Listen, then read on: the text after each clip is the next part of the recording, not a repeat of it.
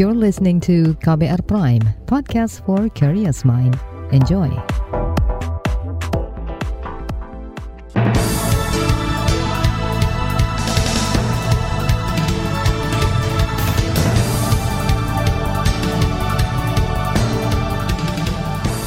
Selamat pagi saudara, senang sekali kami bisa menjumpai Anda kembali melalui program Buletin Pagi edisi Jumat 18 Maret 2022. Bersama saya Naomi Liandra. Sejumlah informasi pilihan telah kami siapkan di antaranya Kepala Otorita gandeng Kejaksaan Agung dalam tim transisi IKN. Pemerintah kaji kebijakan pelonggaran saat Ramadan dan Lebaran. Polisi tetapkan tersangka kerusuhan di Yahukimo, Papua. Inilah Buletin Pagi selengkapnya. Terbaru di Buletin Pagi. Kepala Otorita Ibu Kota Negara IKN Nusantara Bambang Susantono mulai bekerja untuk membentuk tim transisi dalam pembangunan Ibu Kota Negara baru di Kalimantan Timur. Lembaga yang pertama didatangi yakni Kejaksaan Agung. Lembaga ini nantinya bakal melakukan pengawasan dan pendampingan dalam pembangunan proyek IKN. Kepada Jaksa Agung Burhanuddin, kemarin Bambang menyampaikan rencana pelibatan Jaksa Agung Muda dalam tim transisi. Menurut Bambang, pelibatan Kejagung dalam pembentukan otorita IKN ini diharapkan bisa memberikan kepastian hukum bagi para investor. Nah, apa saja akan jadi tindak lanjut? Uh, tadi memang jaksa agung muda ini, uh, para jaksa agung muda ini memang akan langsung nanti masuk langsung ke dalam apa yang disebut tim transisi. Jadi tim transisi ini sekarang sedang digodok sudah oleh uh, Kementerian Sekretariat Negara, Mensesnek, dan dari sana nanti kita akan uh, bersama-sama beberapa internet ya, tidak tidak hanya dari uh, kami, kemudian di dari PU dan yang lain, tapi juga kementerian lain yang cukup dominan program-programnya yang ada di Gaget. Menurut Kepala Otorita IKN Nusantara Bambang Susantono, ada tiga aspek kunci untuk mengundang investor turut serta dalam pembangunan ibu kota baru, yakni environmental, social, dan governance atau ESG. Environment berkaitan dengan aspek lingkungan dan perubahan iklim, sosial berkaitan dengan masyarakat dan government atau tata kelola pemerintah dalam membuat struktur dari proyek tersebut. Investasi dari swasta akan lancar apabila tata kelola dilakukan secara optimal. Jaksa Agung Muda Bidang Perdata dan Tata Usaha Negara Jam Datun Ferry Wibisono mengatakan kejaksaan mendukung kegiatan yang akan dilaksanakan oleh organisasi otorita IKN dengan melibatkan tim dari pusat maupun daerah Kalimantan Timur.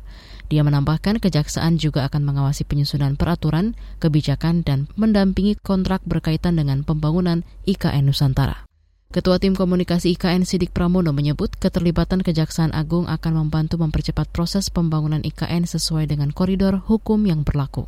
Untuk pembangunan Ibu Kota Nusantara ini tentu soal integritas, soal uh, praktek-praktek yang baik tentu menjadi pegangan dari pimpinan otorita Ibu Kota Nusantara. Dan keterlibatan para pihak dalam menjaga integritas tersebut tentu sangat dibutuhkan dan ini adalah bagian dari ikhtiar tersebut. Ketua Tim Komunikasi IKN Sidik Pramono menjelaskan tim transisi IKN akan melibatkan berbagai kementerian dan lembaga. Tim transisi diharapkan dapat mempercepat pemindahan dan pembangunan IKN. Dia menekankan pembangunan IKN tidak hanya mengandalkan APBN namun juga suntikan dana dari beberapa investor. Masuknya kejaksaan dalam tim transisi otorita IKN dinilai penting untuk memberikan kepastian hukum bagi para investor. Ini disampaikan Sekretariat Nasional Forum Indonesia untuk Transparansi Anggaran atau Seknas Fitra. Menurut manajer riset Seknas Fitra, Badiul Hadi, faktor keamanan masih menjadi persoalan besar investasi di Indonesia. Selain itu, banyak indikasi tindak pidana korupsi di sektor investasi. Makanya kemudian otoritas mencoba mencari alternatif dengan menarik beberapa jaksa muda untuk memberikan kepastian hukum bagi para investor bahwa kalau Anda berinvestasi di pembangunan IKN ini, kami pastikan aman dari sisi hukum dan yang lain-lainnya. Nah, cuman sejauh mana efektivitasnya kan kita tidak tahu. Kita juga tahu banyak problem di kejaksaan kan terkait dengan uh, tindak pidana korupsi itu kan juga di internal juga banyak sekali kan, meskipun tidak bisa digeneralisir. Manajer Riset Seknes Fitra Badiol Hadi menduga keterlibatan para jaksa agung muda lantaran pemerintah tidak siap terkait pendanaan IKN ini. Menurutnya, skema pendanaan yang direncanakan pemerintah dengan membagi porsi APBN sebesar 20 persen dan investasi 80 persen dinilai cukup berat. Dia juga mendorong DPR untuk lebih tegas dalam melakukan pengawasan agar pemerintah tidak mengambil porsi APBN lebih besar lagi. Sementara itu, Menteri Koordinator Bidang Maritim dan Investasi Menko Marves Luhut Pinsar Panjaitan mengklaim sudah ada beberapa investor yang melirik proyek IKN yang diperkirakan memakan anggaran mencapai 460 triliun rupiah itu. Dana itu sudah beberapa banyak tawaran. Salah satu yang Presiden sudah perintahkan adalah dari Abu Dhabi. Abu Dhabi itu akan masuk nanti melalui sovereign wealth fund itu angkanya kira-kira 20 miliar dolar. Kalau kok ibu kotanya untuk pemerintah itu kan dibayar APBN, nggak ada masalah itu. Yang lainnya itu tadi oleh private sector dan itu sekarang sudah jalan. Menko Marves Luhut juga mengklaim Arab Saudi juga ingin menanamkan investasi di proyek IKN. Luhut menyebut masih berkomunikasi dengan pihak Saudi ihwal angka investasi. Sebelumnya, perusahaan asal Jepang SoftBank mundur dari investor IKN. Mundurnya SoftBank makin menguatkan dugaan proyek ini tak diminati investor. Saudara, pemerintah tengah mengkaji kebijakan pelonggaran saat Ramadan dan Idul Fitri. Informasi selengkapnya sesaat lagi, tetaplah di Buletin Pagi KBR. You're listening to KBR Pride, podcast for curious mind. Enjoy!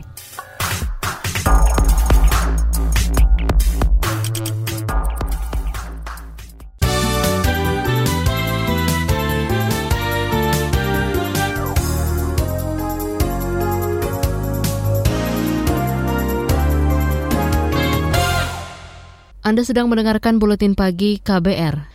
Presiden Joko Widodo menyebut ada tiga tantangan besar dalam transisi energi yang perlu mendapatkan perhatian, yakni akses energi bersih, pendanaan, serta dukungan riset dan teknologi. Itu disampaikan Jokowi saat memberikan pidato kunci dalam S20 High Level Policy Webinar on Just Energy Transition kemarin. Transisi energi akan mengubah banyak hal, perubahan pekerjaan, skenario pembangunan, orientasi bisnis, dan lainnya. Karena itu, dibutuhkan strategi dan mekanisme yang tepat untuk mengidentifikasi tantangan saat ini dan tantangan di masa ke depan. Agar transisi energi rendah karbon yang adil dan merata dapat terlaksana dengan baik. Presiden Jokowi juga menyebut setiap negara menghadapi tantangan dan kebutuhan yang berbeda dalam mentransformasikan sistem energi. Institut Pemerintahan Dalam Negeri atau IPDN diminta mencetak pamong praja yang mumpuni dalam melayani publik. Hal itu diungkapkan Wakil Presiden Maruf Amin pada peringatan Disnatalis ke-66 IPDN kemarin. Kata dia, IPDN mesti menanamkan cara-cara partisipatif dan kolaboratif dalam pembelajaran. Ini penting untuk menghapus ego sektoral di instansi pemerintahan. Kuatnya ego sektoral jelas menjadi penghambat terwujudnya pelayanan yang prima bagi masyarakat. Untuk itu, IPDN harus tampil terdepan dalam membangun pelayanan publik yang mengutamakan partisipasi, sinergi, dan kolaborasi dengan berbagai pihak. Itu tadi Wakil Presiden Maruf Amin. Sementara itu Menteri Dalam Negeri Tito Karnavian berharap IPDN punya kurikulum yang adaptif dengan perkembangan zaman. Pemerintah masih mengkaji kebijakan yang akan diterapkan saat Ramadan dan Idul Fitri nanti. Juri bicara Satgas COVID-19 Wiku Adhisa Smito mengatakan, pemerintah mungkin saja akan melonggarkan kegiatan ibadah jika penularan COVID-19 terkendali dan cakupan vaksinasi terpenuhi. Pemerintah sedang mengkaji hal tersebut dengan memastikan bahwa penularan COVID bisa dikendalikan dengan memastikan cakupan vaksinasi lengkap dan booster yang makin tinggi dan protokol kesehatan dijalankan dengan disiplin oleh masyarakat. Juru bicara Satgas COVID-19 Wiku Adhisa Smito menambahkan kebijakan pelonggaran akan bergantung pada kondisi kasus harian, keterisian rumah sakit, dan kasus kematian. Kemarin kasus harian COVID-19 di Indonesia bertambah 11 ribuan, sedangkan kematian bertambah 230-an kasus. Lembaga Pemantau Anti Korupsi Indonesia Corruption Watch atau ICW menyoroti minimnya transparansi dan akuntabilitas pengelolaan anggaran di Kementerian Pendidikan Kebudayaan Riset dan Teknologi atau Kemendikbudristek. Peneliti ICW Dewi Anggreni mengatakan kajian lembaganya mendapati fakta anggaran di kementerian itu tidak cukup transparan sejauh ini kami mendapatkan tapi tidak secara lengkap gitu ya rincian terkait anggaran untuk setiap programnya gitu. Jadi kalau teman-teman langsung lihat sekarang buka uh, websitenya Kemendikbud bisa dilihat pagu APBN 2021 dan 2022 itu belum disertakan, belum diinformasikan di website, kemudian e, rencana kerja dan anggaran kementerian lembaga juga belum ada, e, DIPA atau daftar isian penggunaan anggaran tahun ini, tahun 2022 juga belum ada, Peneliti ICW Dewi Anggreni menilai minimnya transparansi sangat kontras dengan penghargaan yang diterima oleh Kemendikbudristek, yakni penghargaan pelaksana anggaran terbaik dari Kementerian Keuangan dan standar pelayanan publik dari Ombudsman. Pemerintah mengalokasikan dana 72 triliun rupiah untuk Kemendikbudristek dalam APBN 2022. Jumlah itu menurun dibanding 2021 yang mencapai 78 triliun rupiah. Menteri Perdagangan Muhammad Lutfi mengklaim mengantongi data para mafia dan spekulan minyak goreng. Dia menuding para mafia dan spekulanlah yang menyebabkan kelangkaan dan mahalnya komoditas itu. Lutfi mengaku tak mampu melawan mafia dan spekulan minyak goreng di Indonesia. Oleh sebab itu dia menyerahkan ke kepolisian untuk ditindaklanjuti. Hal itu disampaikan Lutfi saat rapat bersama Komisi Perdagangan DPR kemarin. Kementerian Perdagangan tidak bisa melawan penyimpangan-penyimpangan tersebut. Jadi begitu kita bicara dengan Satgas Pangan pertama kali, yang dipunyai oleh Kementerian Perdagangan pasalnya ada dua, yaitu Undang-Undang, kalau tidak saya salah saya Undang-Undang Nomor 7 dan Undang-Undang Nomor 8, tetapi cangkokannya itu kurang untuk bisa mendapatkan daripada mafia-mafia dan spekulan-spekulan ini. Mendak Lutfi menyebut daerah seperti Jawa Timur, Jakarta, dan Sumatera Utara mestinya memiliki stok minyak goreng yang berlimpah. Namun yang terjadi malah kelangkaan. Pemerintah sebelumnya menetapkan kebijakan subsidi minyak goreng curah Rp14.000. Kemudian untuk minyak kemasan harganya disesuaikan dengan nilai keekonomian. Kementerian Investasi Kepala Badan Koordinasi Penanaman Modal BKPM menawarkan 47 proyek investasi untuk calon investor. Proyek ini berasal dari beberapa sektor dengan nilai investasi yang diharapkan mampu mencapai 150-an triliun rupiah. Menteri Investasi Kepala BKPM Bahlil Lahadalia mengatakan puluhan proyek itu siap untuk dijalankan. Jadi kami merumuskan 47 proyek ini sudah ada pra-FS-nya. Dari prawisata, kemudian dari infrastruktur, kemudian dari industri, semuanya ada. Harapan kita ini bisa kita tawarkan kepada teman-teman dunia usaha yang mencoba untuk ingin untuk melakukan kolaborasi. Menteri Investasi Bahlil Lahadalia menjelaskan puluhan proyek investasi itu mencakup sektor pariwisata, industri manufaktur, kawasan ekonomi, dan infrastruktur. Kita ke informasi mancanegara. Serangan Rusia ke kota Mereva, Ukraina menewaskan 20 orang. AFP melaporkan tembakan artileri itu menghantam sebuah sekolah dan pusat budaya. Selain korban tewas, sekitar 25 orang mengalami luka akibat serangan itu. Melansir CNN, Presiden Ukraina Volodymyr Zelensky juga menyoroti serangan Rusia ke kawasan Kharkiv. Dia menyebut 400 lembaga pendidikan dihancurkan pasukan Rusia. Dia juga menyebut seratusan anak tewas akibat perang ini. Rusia menggempur Ukraina sejak Presiden Vladimir Putin memutuskan invasi pada akhir Februari lalu. Perang itu mengakibatkan lebih 3 juta warga Ukraina mengungsi ke negara tetangga. Sekurangnya dua orang tewas dan 90-an lain luka-luka akibat gempa magnitudo 7,3 mengguncang Jepang Rabu kemarin. Menurut Badan Penanggulangan Kebakaran dan Bencana Jepang, korban tewas merupakan warga Fukushima dan Miyagi. Sementara korban luka tersebar di sejumlah wilayah. Badan Meteorologi Jepang sempat mengeluarkan peringatan tsunami tak lama usai gempa terjadi. Gempa terjadi di bagian Jepang Timur, namun terasa hingga ke Tokyo. Gempa berpusat di lepas pantai Fukushima pada kedalaman 60 km. Beralih ke informasi olahraga, tunggal putra Indonesia Jonathan Christie berhasil melaju ke perempat final turnamen bulu tangkis Super 1000 All England 2022. Langkah Jonathan Christie terus berlanjut setelah melibas wakil Thailand Kun Lafut Vitisdan pada babak 16 besar German Open 2022 Jumat 18 Maret dini hari waktu Indonesia Barat. Bertanding di Utilita Arena Birmingham, Inggris, Jonathan Christie menang dua straight game atau dua game langsung atas Kunlafut Dance. Jojo, sapaan akrab Jonathan, meraih kemenangan dengan skor 21-16 dan 21-19. Selanjutnya, Jojo akan menghadapi unggulan keempat asal Taiwan, Chou Tien Chen, pada babak perempat final. Di sisi lain, empat ganda putra Indonesia berhasil mengamankan tiket ke babak delapan besar, yakni Marcus Kevin, Ahsan Hendra, Fikri Bagas, dan Leo Daniel.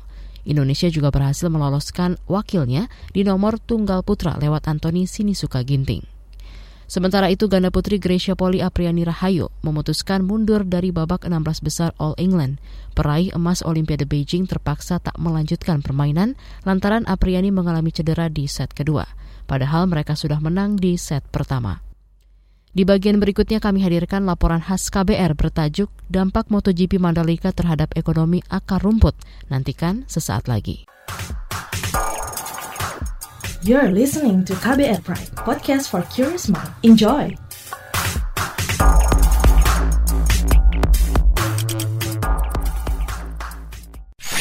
Commercial break. Commercial break.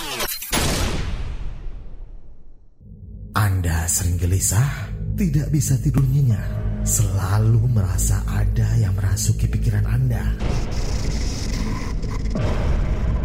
Ini bukan iklan horor atau cerita seram, tapi kalau Anda mengalami hal seperti itu, Anda pasti ketinggalan berita terupdate yang lagi ramai diperbincangkan. Gak mau kan dibilang ketinggalan berita?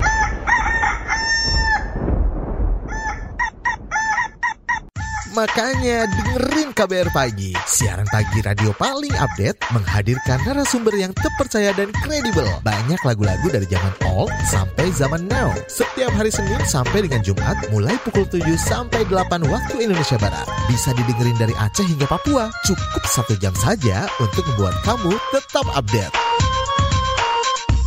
Woi, ayam siapa nih? Berisik, saya mau dengerin kabar pagi.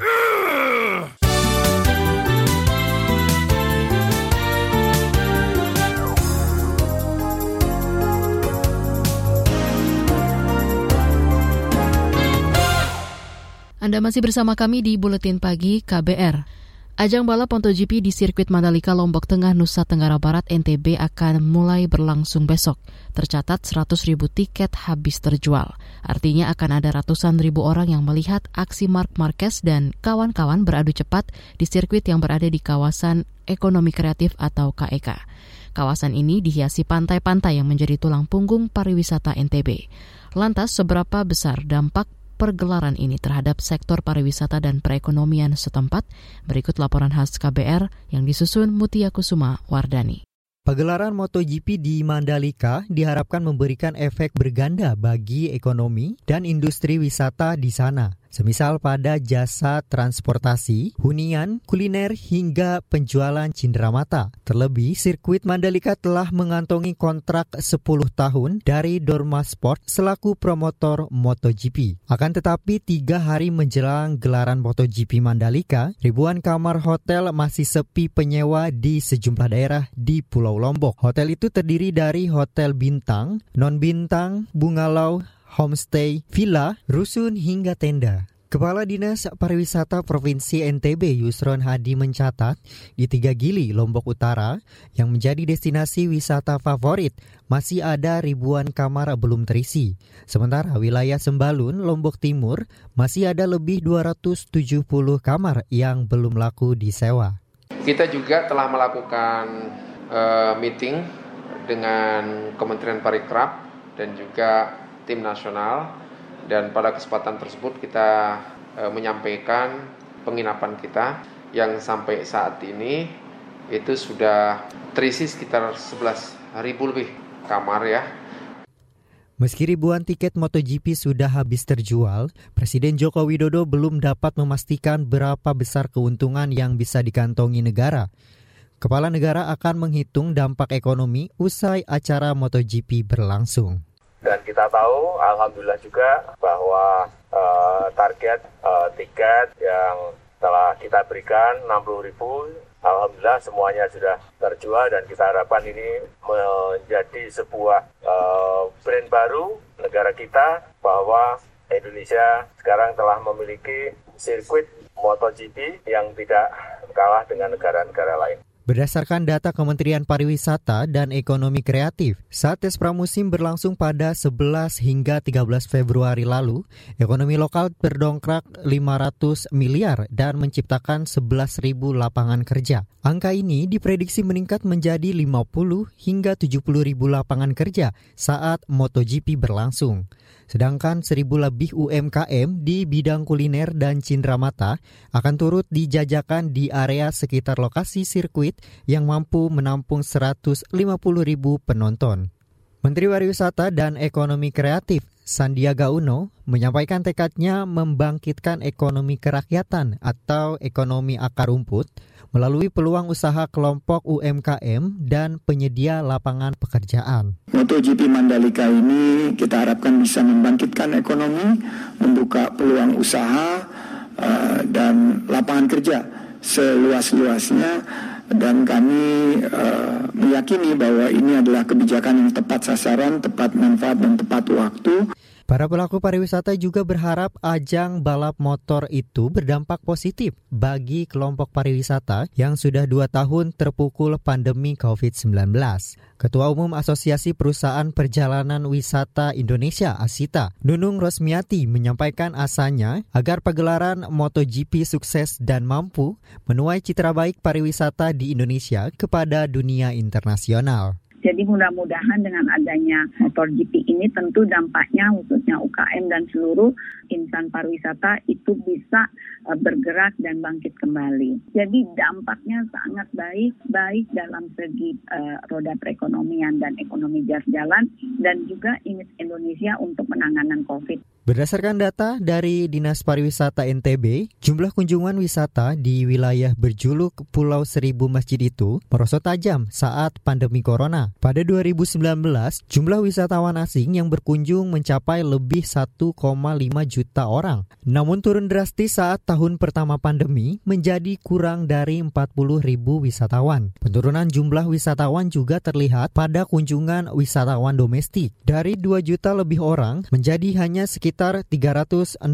ribu orang. Pemerintah memprediksi kedatangan wisatawan asing tahunan di Pulau Lombok meningkat 19 persen pada 2022 sebab akan ada sejumlah acara internasional yang akan digelar pada tahun ini, semisal pertemuan G20 di Bali. Pemerintah memprediksi kedatangan wisatawan asing ke Nusa Tenggara Barat mencapai antara 1,5 hingga 2 juta wisatawan. Sedangkan pada 2024, pemerintah memproyeksikan pengunjung wisatawan tahunan bisa mencapai 5 juta wisatawan. Demikian laporan khas KBR, saya Heru Hetami.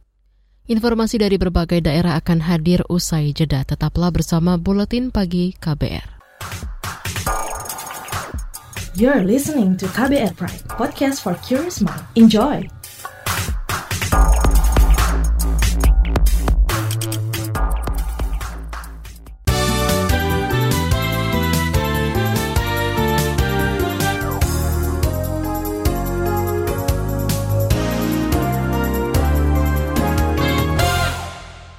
Inilah bagian akhir buletin KBR. Kita ke Sumatera Selatan. Tim advokasi anti penyiksaan mendesak Polres Kota Lubuk Linggau Utara memproses para pelaku penyiksaan terhadap Hermanto secara transparan dan akuntabel. Hermanto diduga menjadi korban penyiksaan hingga tewas oleh anggota kepolisian dari Polsek Lubuk Linggau Utara. Dia diduga tewas di kantor polisi usai ditangkap di rumahnya pada 12 Februari 2022 lalu. Dia ditangkap atas dugaan kasus pencurian. Tim advokasi anti penyiksaan menilai Polres Kota Lubuk Linggau tidak serius untuk membuka kasus ini secara terang benderang. Hal tersebut tercermin dari informasi perkembangan perkara yang sama sekali tidak diberikan pada keluarga korban. Selain itu, tim advokasi juga menemukan dugaan rekayasa kasus yang diikuti oleh upaya paksa sewenang-wenang, tindakan penyiksaan, dan penggunaan kekuatan secara berlebihan pada Hermanto. Sejauh ini, lima polisi sudah dinonaktifkan untuk proses pemeriksaan. Kita ke Jawa Timur, pemerintah Kabupaten Banyuwangi mewaspadai merebaknya kasus demam berdarah dengue atau DBD. Kepala Dinas Kesehatan Banyuwangi Amir Hidayat mengatakan, hingga pertengahan Maret jumlah penderita DBD yang dirawat di rumah sakit mencapai 90-an orang. Dari jumlah tersebut, tiga di antaranya meninggal. DBD di Kabupaten Banyuwangi di satu bulan terakhir ini meningkat sangat signifikan.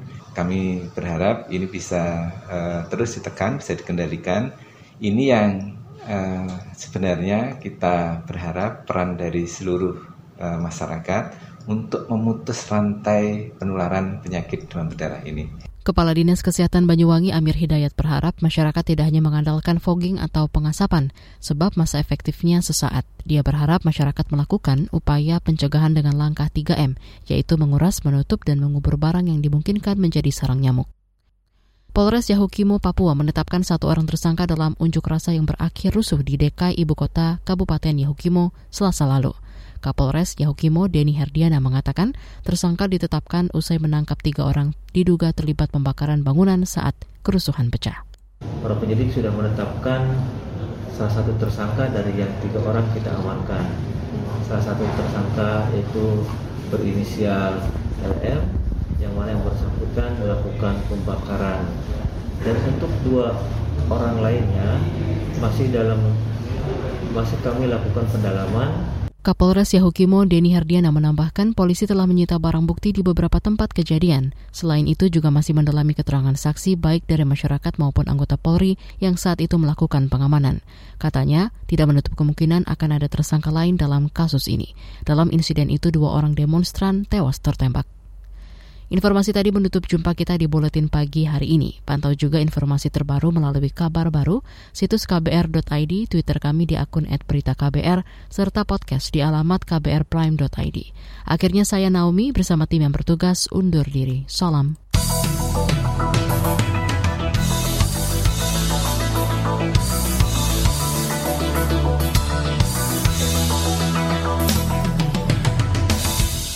KBR Prime, cara asik mendengar berita.